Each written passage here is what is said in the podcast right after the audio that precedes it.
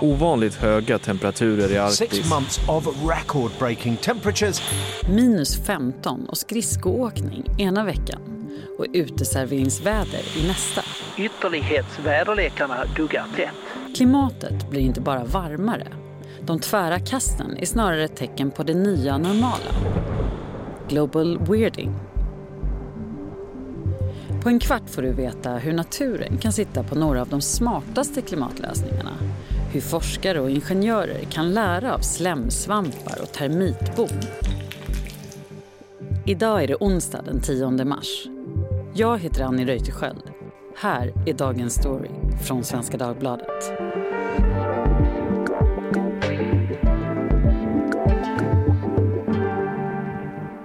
Som journalist har Erika Treijs bevakat de mest brännande frågorna inom både kultur och nyheter. Och nu är det klimatfrågorna som tar hela ditt fokus. Ja, för att det är de viktigaste frågorna helt enkelt. Du har rest land och rike runt kan man säga för att hitta nya klimatlösningar. Vad har gjort mest intryck på dig? Ja, men kanske att så mycket ändå händer. Att näringslivet är i full färd med att leta lösningar och att de många gånger också går före politiken. Det är väldigt positivt tycker jag. Bara de här senaste veckorna så har vi sett extremt väder. Idag har det noterats ett nytt nationellt värmerekord för februari. Ja, alltså vi har fått den typen av väderrekord som vi egentligen inte vill ha. I Kalmar så, så noterades nästan 17 grader i februari. Och Det vittnar kanske om någonting som inte bara är som det ska. Men ändå så kommer nya studier som visar att det skulle kunna bli minus 50 grader i Sverige på vintrarna. V vad är det som händer? Blir det varmare eller kallare? Ja, det blir knäppare. Eh, för om orsaken är global warming så kan man säga att det vi upplever är global weirding. Det vill säga att det blir knasigare. Alltså väder är egentligen inte samma som klimat utan om eh, klimatet är orsaken så är vädret verkan. Och när då klimatet inte är precis som det har varit tidigare och eh, saker och ting kommer i gungning, ja då får vi se den här typen av extremväder som du är ute efter. Global weirding för redan tio år sedan myntade New York Times-journalisten Thomas Friedman begreppet i ett försök att komma närmare det människor faktiskt upplever när temperaturen stiger och klimatet ändras. Och vi har redan känt av det där knäppa i år. Ett exempel är rekordkylan i USA som både skördade liv och gjorde miljontals amerikaner strömlösa. Allra värst drabbades Texas So places like Alaska, places like uh, Iceland, for example, today in the low 40s are warmer than places in Texas. De har ju upplevt den värsta kylan i mannaminne och det ledde till och med att det snöade i mexikanska golfen. Det är klart att saker och ting kanske inte är helt som de ska. Du har skrivit mycket om det här, eh, bland annat om en sjö som blir kallare trots varmare klimat. Ja men eller hur, det är ju ett litet spännande case. För i Tarfala uppe i Kebnekaise-området så ligger den här sjön då, som svenska forskare har bevakat under ganska många år. Och där har man då bland annat följt temperaturkurvorna. Och man förväntar sig ju förstås att det ska bli varmare i den här sjön med tanke på just uppvärmningen, den globala uppvärmningen som pågår. Men i den här lilla sjön så hade det istället blivit kallare vilket ju verkligen förvånade forskarna. Men det hade ju förstås ett ganska självklart svar varför det har blivit så. Eh, och det var ju förstås för att glaciärerna, de omkringliggande, hade helt enkelt läckt ut sitt kalla vatten i den här sjön. Och med det då så, så sjönk temperaturen. Och möjligen så kan man dra en slutsats av det då. Det är ju att lokalt kan man ju få helt andra resultat av den här globala uppvärmningen än vad det stora, långa perspektivet visar där det trots allt blir varmare. Och, och då igen, knäppare, det är det vi märker. Men eh, det som sker är att det blir varmare. Just det, och då hamnar man ju lätt i de här diskussionerna om eh, när det är kallt på vintern att ja men vadå, det här det är ingen global warming, det är ju jättekallt, eh, det snöar jättemycket. Absolut, och det är precis det argument som också skeptikerna använder hela tiden. Och, och, det finns ju väldigt många olika svar då beroende på vem man frågar och på vilket område i världen. Men det, det som forskare har svarat när jag har frågat om nu är ju att varmare luft det kan helt enkelt hålla mer nederbörd. Så om det i Arktis inte är minus 50 utan bara minus 40, ja då kommer det att snöa mer. Och tittar man då på det ovanifrån med satelliter och annat så kan det ju se ut som att glaciärerna växer till sig medan de egentligen blöder och eh, absolut smälter. Men, eh, men det syns inte för att snö ser likadant ut i alla fall från en viss höjd. I våras förra året kom de första tecknen på vad som höll på att ske. Över Kina lättade smogmolnen. De globala åtgärderna mot covid-19 fick utsläppen att rasa. Tappet var historiskt, men nu stiger världens utsläpp snabbt igen och det oroar forskare världen över. Men det finns hopp om att förra årets paus i utsläppen ändå blir en vändning.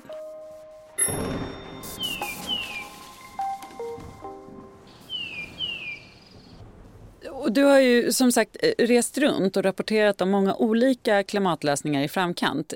Är det ny teknik som är lösningen på alla våra problem? Ja, alltså, det tror jag att det är i viss mån, men jag, jag ifrågasätter just eller. Alltså, det är ett ord som man måste plocka bort i hela den här klimatdiskussionen. Man kan inte göra det ena eller det andra, utan vi måste liksom stoppa in ett och här. Och det är inte bara jag som tycker det, utan det, det är precis vad de här IPCCs stora rapporter och så visar. Man kan inte välja teknik eller andra lösningar, utan vi måste använda alla möjligheter vi har för att hindra då den här uppvärmningen. Men, men det har ju hänt en hel del. Till exempel så har man en kapplöpning i norr om att göra stål utan kol. Och där har vi ju då eh, tidigare sett Hybrid som är ett testprojekt som gör just det. Att de gör grönt stål helt enkelt. Och det är SSAB, och LKAB och Vattenfall som ligger bakom det projektet. Och sen nu då så kommer uppstickaren som egentligen inte ska göra exakt samma sak men H2 Green Steel som det konsortiet heter kommer från näringslivshåll kan man säga. Och de ska då utmana det här statliga lösningen. Så det blir liksom staten mot kapitalet i någon mån. Och det... I ett eh, miljörace. Och piskan som kittlar, kittlar inte heller deras feta nackar i staten mot kapitalet i ett miljörace. Det var fint sammanfattat. Och det är ju ett race som vi uppskattar förstås för att eh, det kommer alla att tjäna på i slutänden. Inte minst alla människor i Boden som då kommer att få väldigt många nya arbetstillfällen. Och där ligger Sverige i framkant, eller hur? Absolut. Det här är pilotprojekt som ingen har klarat ännu. Vi kan bara hålla tummarna för att Sverige går i bräschen och att fler kan ta efter. För det här är ju en riktigt stor koldioxidutsläppare. Men du har också stött på en forskare med ett helt omvänt perspektiv. Det är jättespännande. Berätta om det. ja, men det har jag verkligen. Eh, jag går tillbaka till ocket. Mm. För att det är ju det här fortfarande då att, att vi har de stora satsningarna som, som industrin måste genomgå. Man måste göra den här omställningen. Men man kan ju också tänka sig att man faktiskt lyssnar på de som verkligen vet, eller det som verkligen vet, och det är naturen. Eh, eller det är i alla fall den tes då som den här forskaren Fredrik Moberg driver. Och han har skrivit boken Den uppfinningsrika planeten, den kommer i maj, där han vänder på begreppen. Och jag vet inte, om jag bollar det till dig, Annie, och säger att han ser naturen som mentor istället för resurs, vad händer då? Jag blir lite förvirrad. Men glad. ja, och det jag tänker då det är att man måste, man måste liksom lyssna och lära. För att naturen har ju många svar. Och om man då försöker att och ta reda på vad, de faktiskt, vad, eller vad naturen redan har löst åt oss, då blir det ju på ett annat sätt onekligen. Har du några exempel? Hur, hur kan vi lära oss av naturen? Absolut. Den här boken är fylld av helt fantastiska exempel.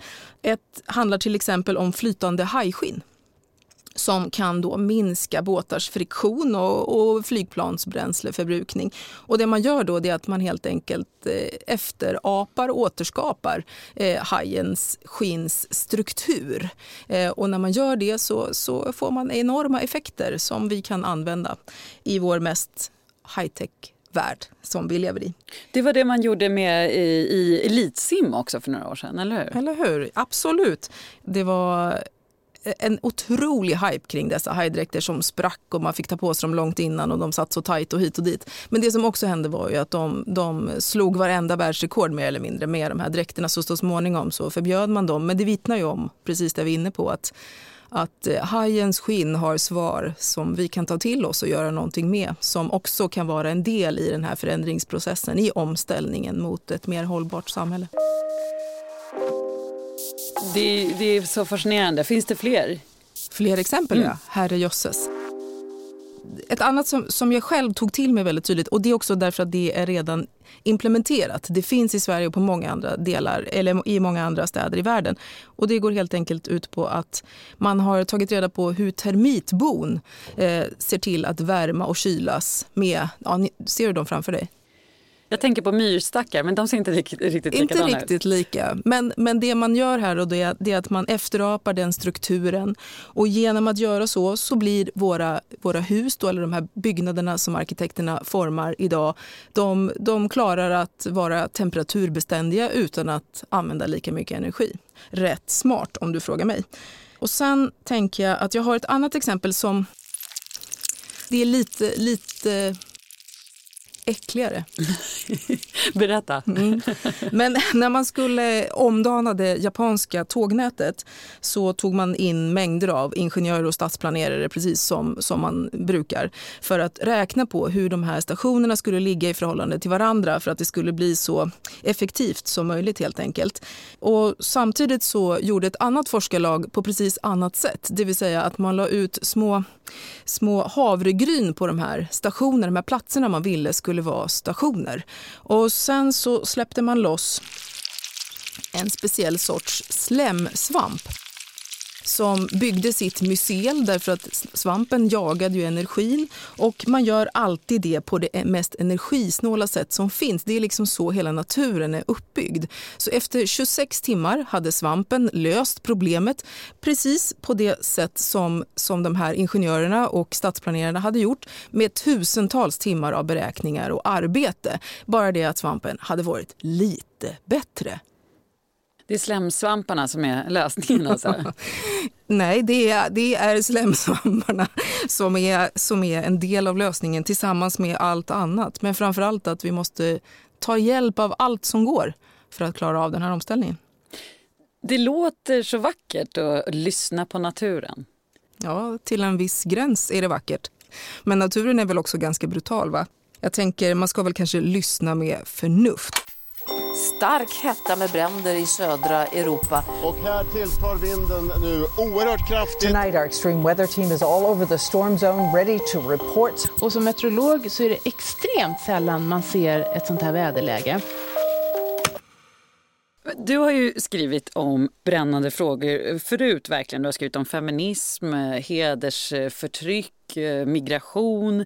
Nu skriver du om klimat. Eh, märker du någon skillnad i kontakten med läsarna, är ett snällt sätt att säga det, eller reaktionerna? Det, det är ju en debatt om hot och hat mot journalister när man bevakar de här känsliga frågorna.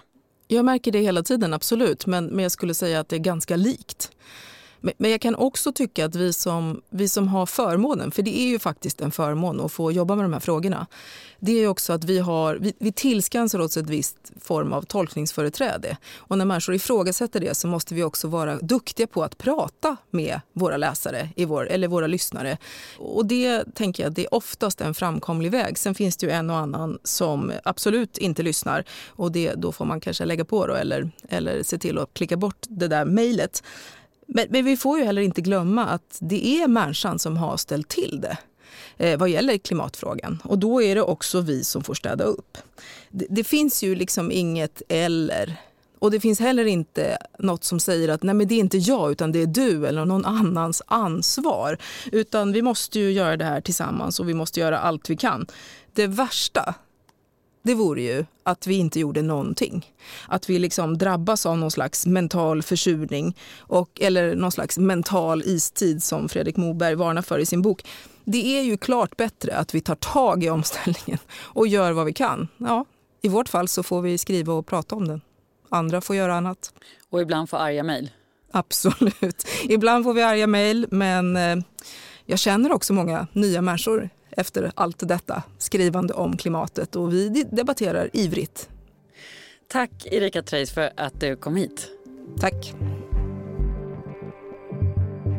Svenska Dagbladet är mitt uppe i en stor satsning på klimatjournalistiken. Följ bevakningen och Erika Treijs fördjupningar i tidningen och på svd.se. Vi som gjorde programmet idag är producent Daniel Persson Mora, redaktör Maria Gelmini och jag heter Annie Reuterskiöld. Dagens story från Svenska Dagbladet ger dig djup och perspektiv på de viktigaste nyhetshändelserna. 15 minuter varje vardag. Lyssna på Spotify och där poddar finns.